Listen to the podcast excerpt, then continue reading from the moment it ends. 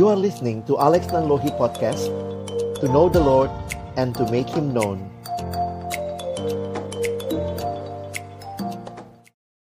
各位主持人姐妹们，大家下午好。 Kita akan segera mulai ibadah pada pada doa pada sore hari ini. 我们就要开始今天下午的祷告会。 Kami percaya, kami percaya kita sudah hadir semua, Tuhan juga hadir bersama-sama kita. 我相信我们每个人都在这里，上帝也在我们当中。 Mari kita tenangkan hati, kita siapkan hati kita untuk masuk dalam kebahagiaan doa.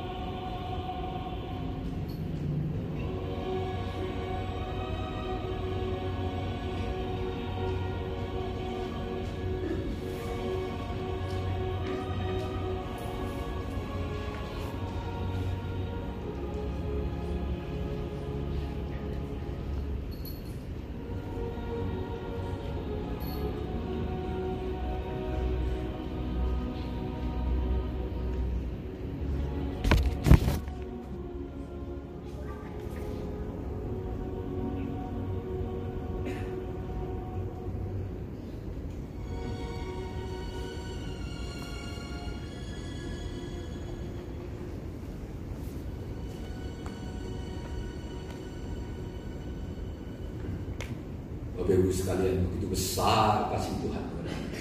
各位兄弟姐妹，上帝对我们的爱是何等的浩大， Sehingga dia rela mati di atas kayu salib menembus kita semua. 以致他愿意是在石架上为了救赎我们每一 Sehingga 个人， kami hari ini kita semua bisa jadi anak-anaknya. 以致我们今天都可以成为他的儿女。 Mari kita sama-sama tinggikan Tuhan kita. 让我们高举我们的主， Lebih dalam lagi aku.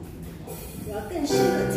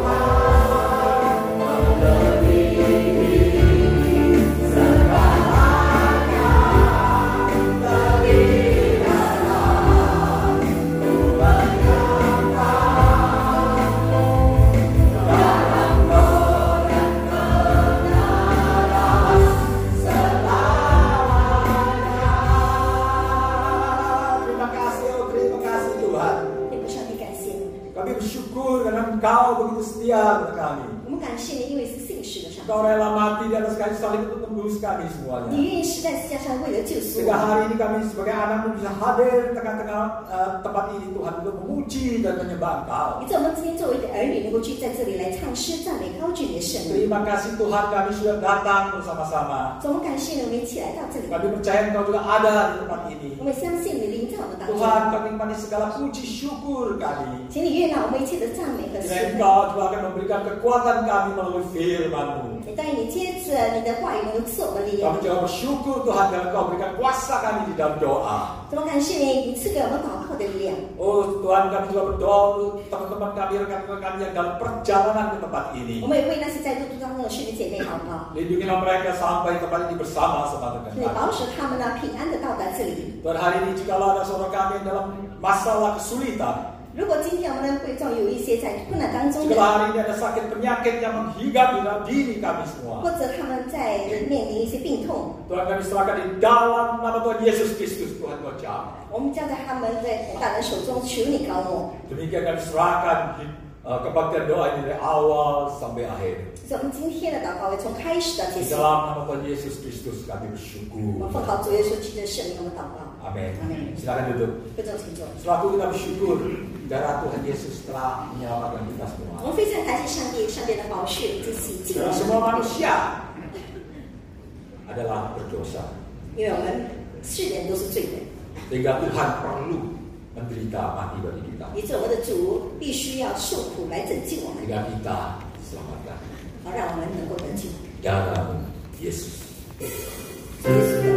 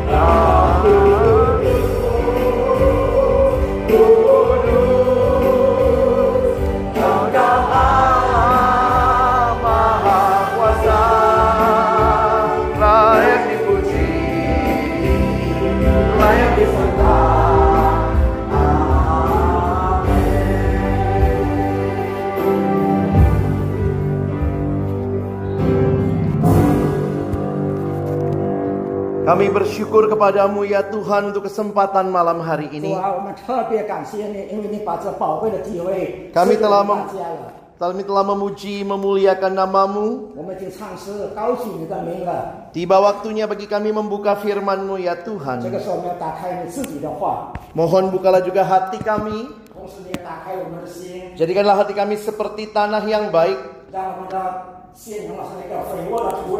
Supaya ketika benih firman Tuhan ditaburkan boleh sungguh-sungguh berakar, bertumbuh dan berbuah nyata dalam hidup kami.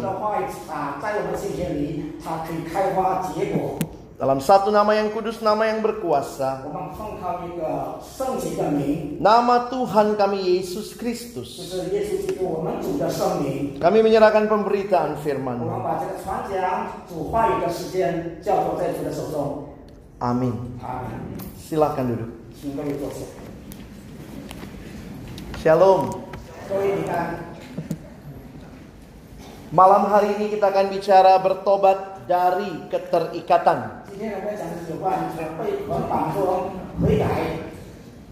Mari saudara yang sudah mendapatkan tali tambang yang kecil,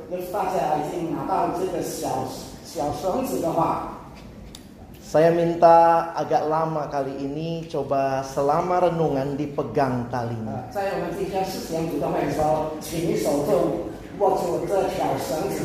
Coba dikeluarkan lalu kita raba dan kita boleh rasakan sambil kita mendengarkan renungan malam hari ini.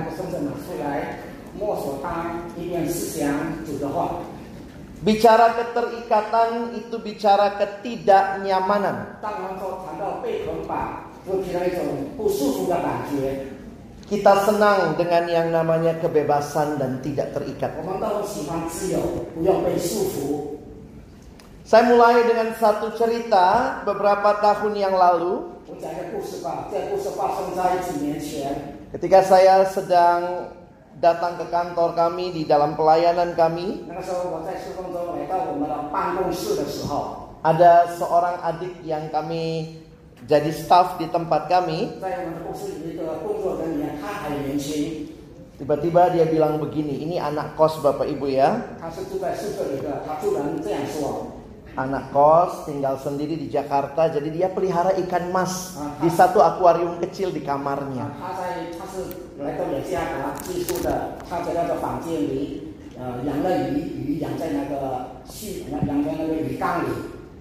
Lalu pagi-pagi dia bilang begini sama saya. Kok Alex, kok Alex tadi malam ikan saya bunuh diri. Alex, Alex betul itu susah. Kita lihat slide-nya sebentar ya.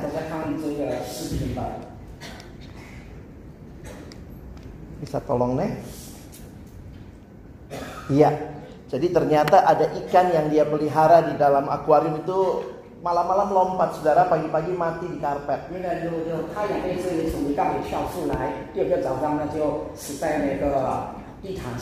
Dua ekor sebenarnya. Ini cuma dapat gambar yang satu ekor saudara ya. Lalu kami sempat bahas-bahas agak bercanda dikit. Mungkin ini ikan yang berdua ditolak cintanya sama orang tua. 也许这两个鱼呢没有受到他们父母的爱吧。 Tetapi ketika kami mencoba membahas dan membahas akhirnya kami tiba pada satu kesimpulan. 后来我们经过几番经过一番讨论，我们得出一个结论： Ikan dalam hidupnya paling butuh air. 鱼离不开水的。 Jadi sebenarnya ikan itu Bapak Ibu bebasnya di dalam air apa di luar air? 可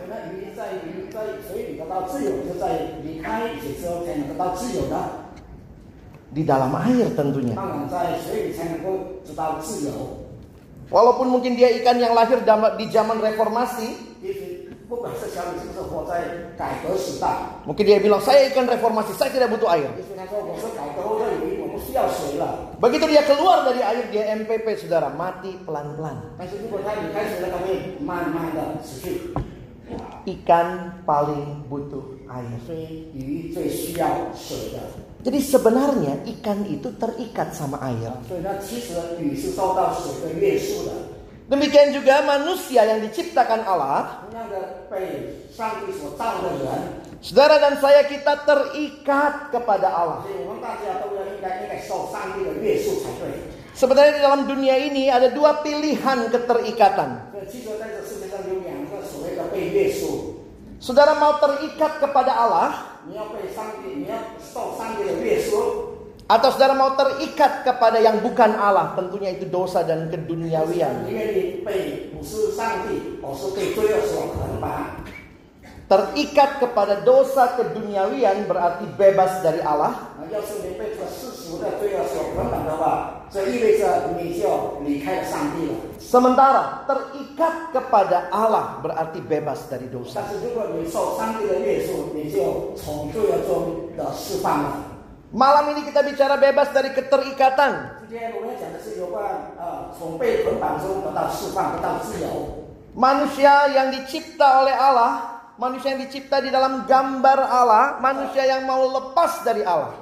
上帝被按照上帝形象和样式造的人，想离开上帝不受约束的话， Cuma dua pilihan saudara, terikat kepada Allah atau terikat kepada dunia. 人只能够被两种选择，一个是被罪恶所捆绑，一个是受上帝的约束。 Manusia tidak merasa dia butuh Allah. 啊，上帝有时候会感觉他根本不需要上帝， Manusia lupa diri. Paling ngeri saudara punya orang jadi orang yang lupa diri. Itu kayak ikan lupa air.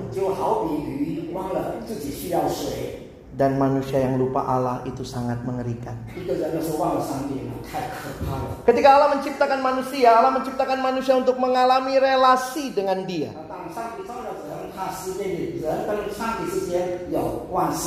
Saya mengutip kalimat seorang bernama Nicky Gamble, dia mengatakan demikian. Pria dan wanita diciptakan untuk hidup dalam hubungan dengan Allah. Tanpa hubungan tersebut, selalu ada rasa lapar, sebuah kekosongan dan sebuah perasaan yang hilang. 要是人跟上帝无关系的话，他就会感到感到饥饿，感到虚空，感到失落。 Itu desain Allah untuk hidup setiap kita. 这这是上帝为我们的生活所做的设计。 Jadi kita bisa menyimpulkan manusia hanya menemukan kepuasan sejati di dalam Allah penciptanya.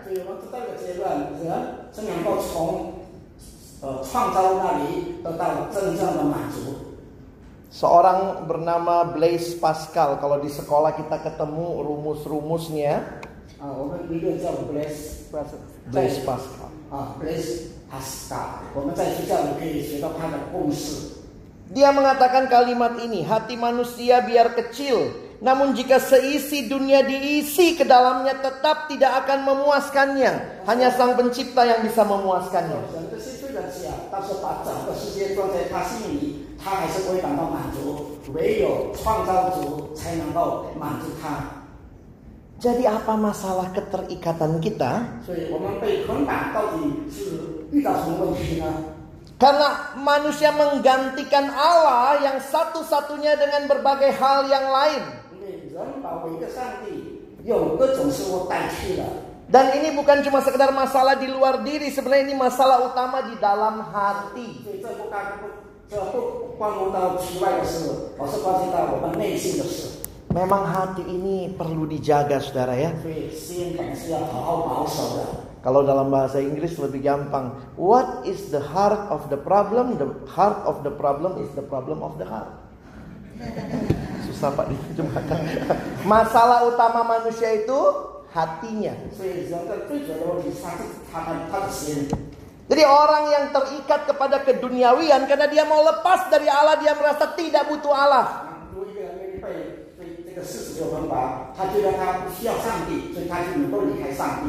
Lalu kalau orang terlepas dari Allah, lalu orang terikatnya ke mana? Yesus Masalahnya orang terikat kepada ciptaan-ciptaan Allah.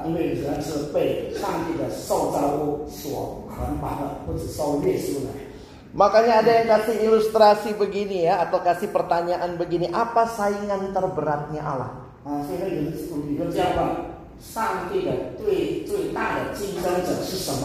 Atau lebih tepat apa salah satu saingan terberatnya Allah?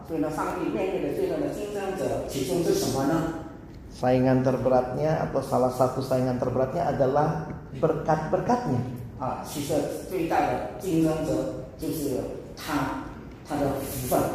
Banyak orang yang cinta berkat Tuhan tapi tidak mau Tuhannya.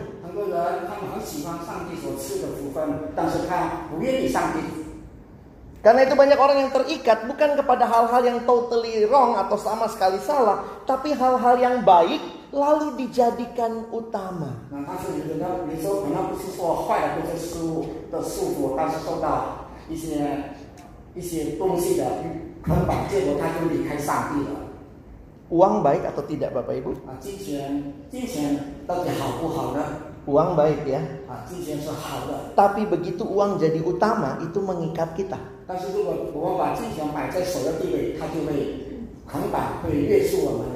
Jadi ada orang yang diikat oleh keduniawian seperti uang begitu ya. Hidupnya pokoknya yang penting uang, uang, uang. Kesuksesan hidupnya dari berapa banyak uang yang saya punya. Saya berhasil atau tidak lihat dulu berapa uang yang saya punya. Uang baik tetapi begitu jadi paling utama jadi masalah.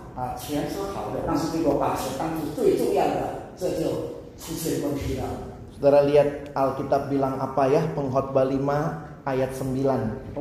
Kita baca ya dalam bahasa Indonesia dulu. 1 2 ya. Siapa mencintai uang tidak akan puas dengan uang dan siapa mencintai kekayaan tidak akan puas dengan penghasilannya ini pun sia-sia.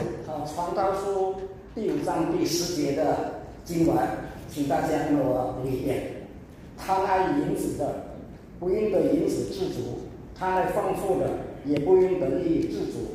这也是虚空。 Tidak ada yang salah dengan uang. Yang salah adalah ketika uang jadi segalanya. 啊，钱是钱本身是没问题，但是呢，如果把钱当做是一切的一切的话，这就不对了。 Satu waktu ada anak remaja datang sama saya lalu cerita, bener ya kok akar segala kejahatan adalah uang.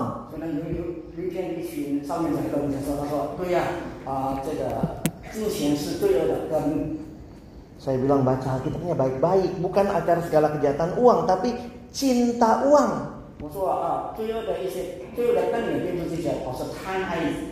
Saya bilang, kalau uangnya nggak suka kasih saya. Ada banyak pelayanan perlu didanai. Ya, ini yang sosial sebenarnya. Yang jadi masalah bukan uangnya, tapi cinta uang. Mengutamakan uang seolah-olah uanglah segala-galanya, bukan Tuhan.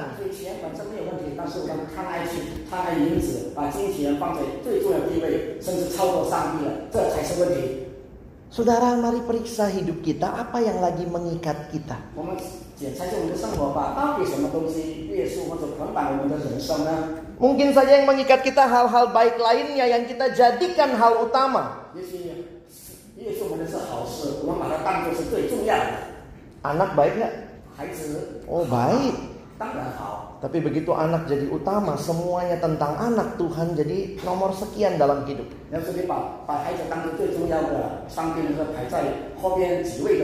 punya prestasi dalam dunia, dalam hidup baik. Tapi kalau prestasi segala-galanya bahkan menghalalkan segala cara supaya dapat itu, itu masalah.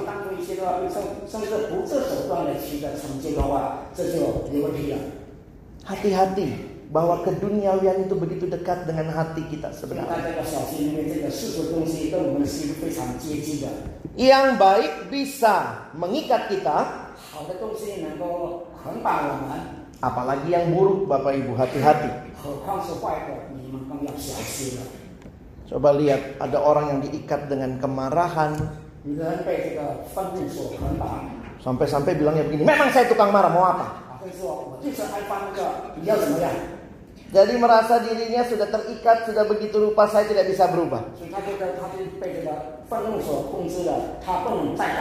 Ada orang-orang yang diikat oleh pornografi.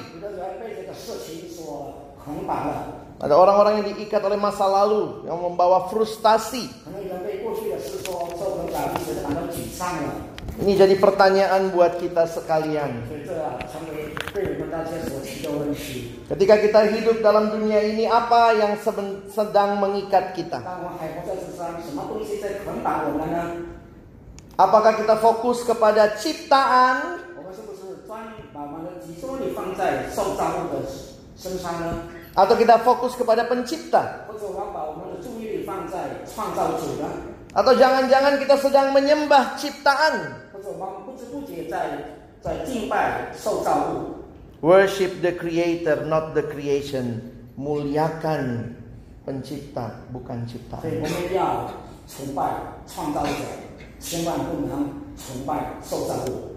Kepuasan sejati tidak pernah kita dapatkan dari ciptaan.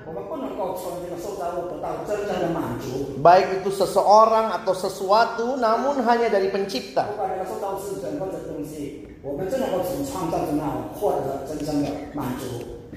Yang bisa memuaskan kita bukan yang horizontal ciptaan, tapi Allah vertikal.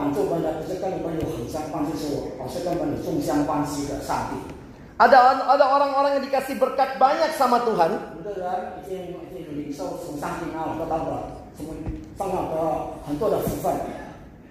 Tapi mungkin juga gara-gara berkat-berkat itu dia jadi lupa Tuhan. Harusnya kita selalu ingat bahwa semua berkat-berkat yang Tuhan berikan itu menunjuk kepada Dia sang pemberi berkat. 是我们应该知道，我们所得到的福分正在指向赐给我们这些福分的上帝。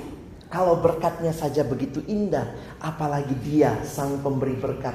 如果这些说都是那么的美，何况那个赐给我们这些福分的创造主？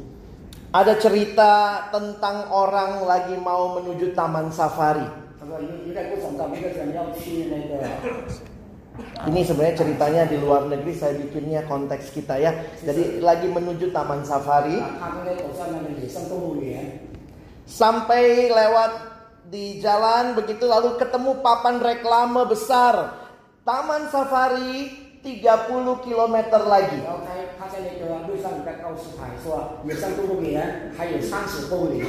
Dia lihat di situ ada gambar singanya, ada gambar orang utannya, ada gambar padang rumputnya. Wah! Iya. Bapak Ibu dia berhenti di situ. Di bawah papan reklame. Bikin tenda. Saya sudah di Taman Safari. Taman Safari berapa kilo lagi? Masih 30 kilo. Papan itu hanya menunjuk ke taman safari, tapi itu bukan safarinya. Berkat Tuhan dalam hidup kita harusnya menunjuk kita kepada Tuhan, jangan camping di berkatnya.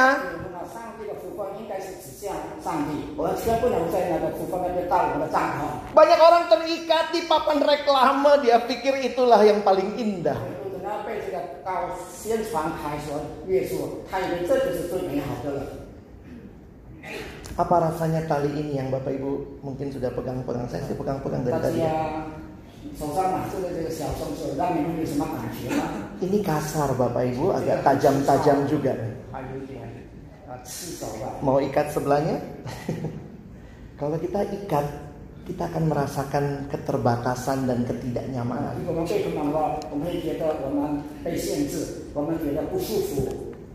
Karena itu sebagai penutup khotbah malam hari ini Bagaimana melepaskan diri dari keterikatan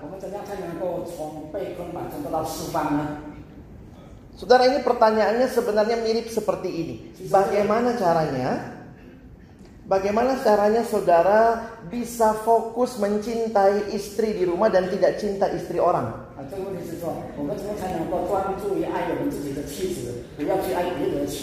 Itu sebenarnya mirip sekali karena kita lagi mencintai yang bukan Allah.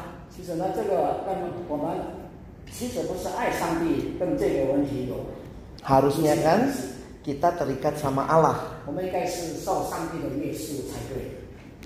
Saya bacakan satu ayat, kita bisa lihat di slide Yohanes pasal 8 31 sampai 32 dan ayat 36.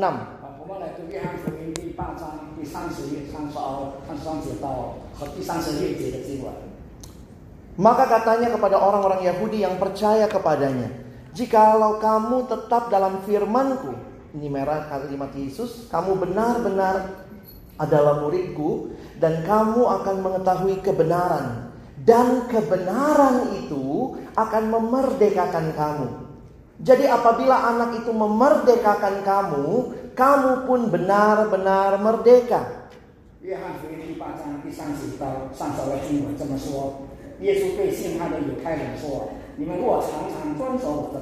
翰福音第八章第三十到三十二经文这么说：耶稣对信他的犹太人说：“你们若常常遵守我的道，就正是我的门徒。你们必晓得真理，真理必叫你们得以自由。”第三十六节。 Perhatikan baik-baik 表指若叫你们得自由，你们就真自由了。 Ayat 36, jadi apabila anak itu memerdekakan kamu.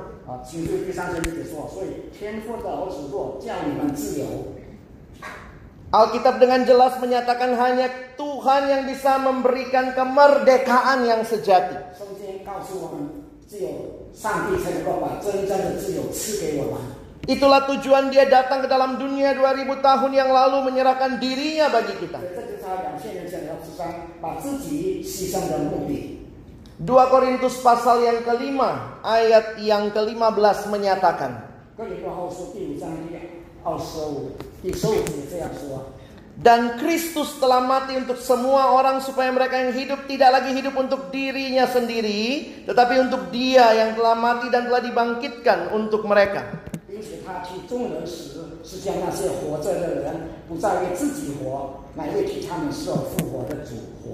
Sekali lagi hanya Kristus yang bisa mengubah kita yang tadinya begitu self-centered. Begitu fokus kepada diri sekarang boleh datang kepada dia.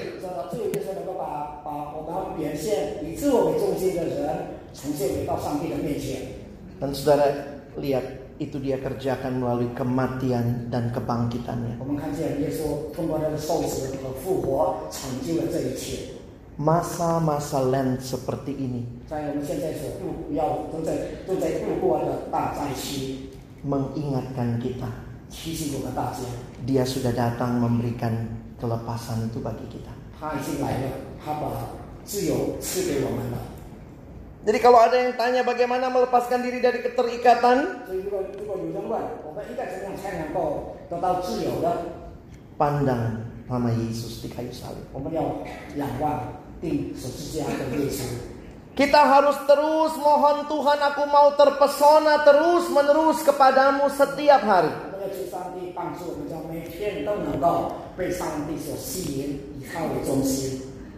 Kalau Yesus begitu indah saudara maka hal-hal dunia kita akan lihat tidak seindah dia.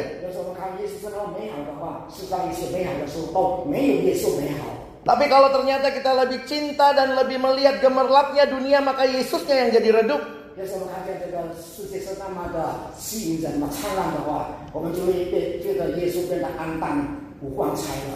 Bapak Ibu ada kalimat bilang begini Jatuh cinta itu gampang Yang susah bangun cinta. Oh,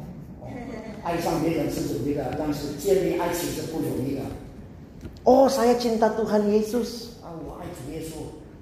Tapi betulkah kita bangun cinta itu terus-menerus? Melalui ibadah supaya saya makin cinta Yesus, melalui doa supaya saya makin cinta Yesus, melalui baca firman supaya saya makin cinta Yesus.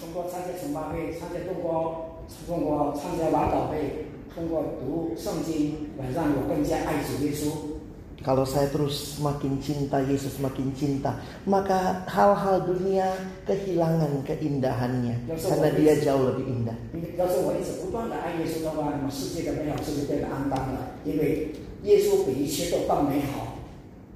Yang kedua tadi, kalau Bapak Ibu ingat Yohanes 8, kebenaran itu akan memerdekakan kamu. Firman Tuhan akan menjadi tuntunan bagi hidup kita untuk kita tidak tergelincir di dalam keduniawian. Firman Tuhan terus mengevaluasi hidup kita.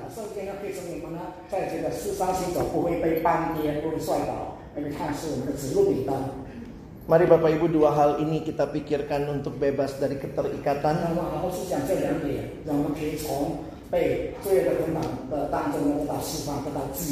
Mari terus jatuh cinta sama Tuhan setiap hari. Mari jadikan firman-Nya sebagai standar penuntun hidup kita. Ketika firman berkata hidupmu harus dibersihkan, mari terbuka.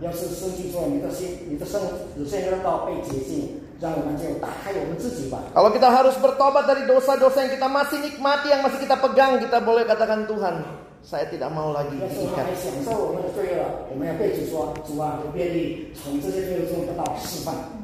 Saya senang lagu ini dan waktu saya merenungkan firman ini, lagu ini yang muncul di benak saya.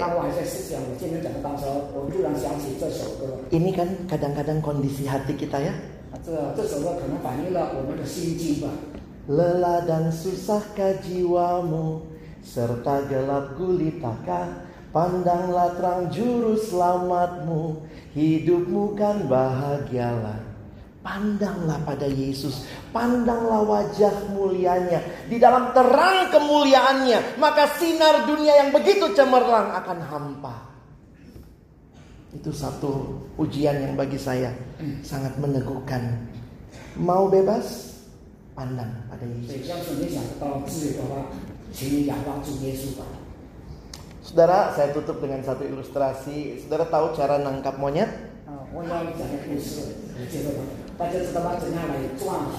Pernah lihat monyet ya? Jangan bilang yang sebelah saya nih. Nah, di India mereka punya cara menangkap monyet. Caranya itu mereka cuma bikin kotak kecil.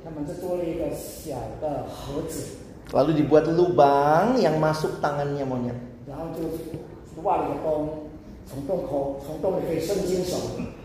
Tangannya monyet itu kalau masuk di dalam ditaruh pisang atau kacang.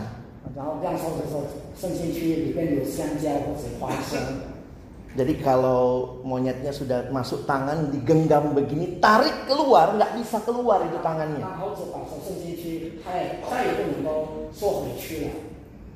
Jadi itu cara mereka bikin cuma bikin kotak begitu taruh begitu ya. Jadi nanti besok paginya ternyata banyak monyet yang tertangkap.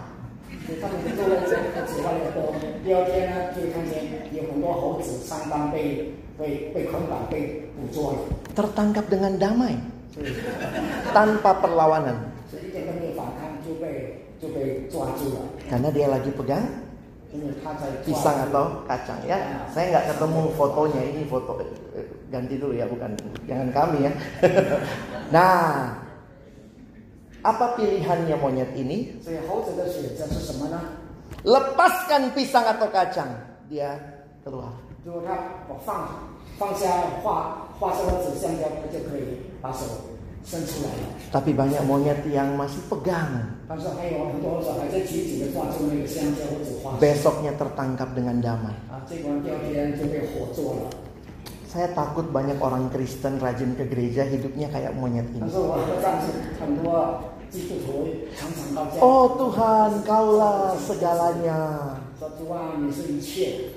Datanglah kerajaanmu di bumi seperti di surga, tapi maaf di bumi saya rajanya.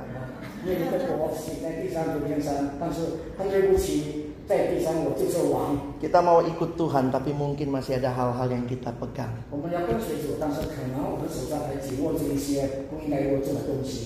Maukah kita melepaskan?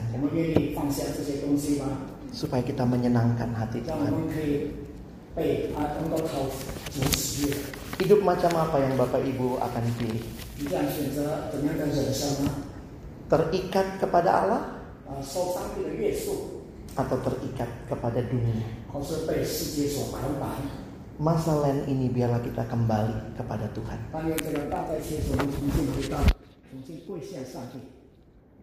Mari kita berdoa. Bapak Surgawi terima kasih buat firmanmu. 主啊，我们感谢你的话， Tolong kami bukan cuma jadi pendengar, 帮助我们不单单成为听道者， tapi jadi pelaku-pelaku 我们 firman-Mu. 更能够成为行道的人。 Dalam nama Yesus kami berdoa. 奉靠耶稣的名祷告， Amin. 阿门。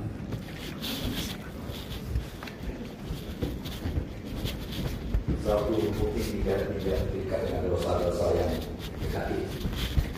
可能我们现在不是被这些的这些捆绑， mungkin kita tidak membunuh, mungkin kita tidak isap narkotik. Tapi pernah nggak kita pikirkan bahwa kita kecanduan game? Sebagai ibadah telat terus. Ibadah dengan terbang, mikirin game tadi bakalan. 崇拜会跟讲到，哎，想想刚才玩游戏玩输了，Kita udah cari mati-matian keluar kota muter terus sampai lupa rumah ada istri dan anak. 我们做生意呢，一直扭转的头头脑怎么去赚钱，一直忘记了在家里的儿女 Karena 或者是 konsentrasi，kita sudah kepada dunia. 因为我们的专心已经被世界所吸引。Karena duit makin banyak, engkau makin terbelenggu. 因为你越多的钱，你就越被捆绑或是拘 Engkau 束。lupa hidup harus konsentrasi kepada Tuhan. Karena salibnya dia bebas dari kita. Karena salibnya dia membuat kita menang. Hari ini kita hidup karena salibnya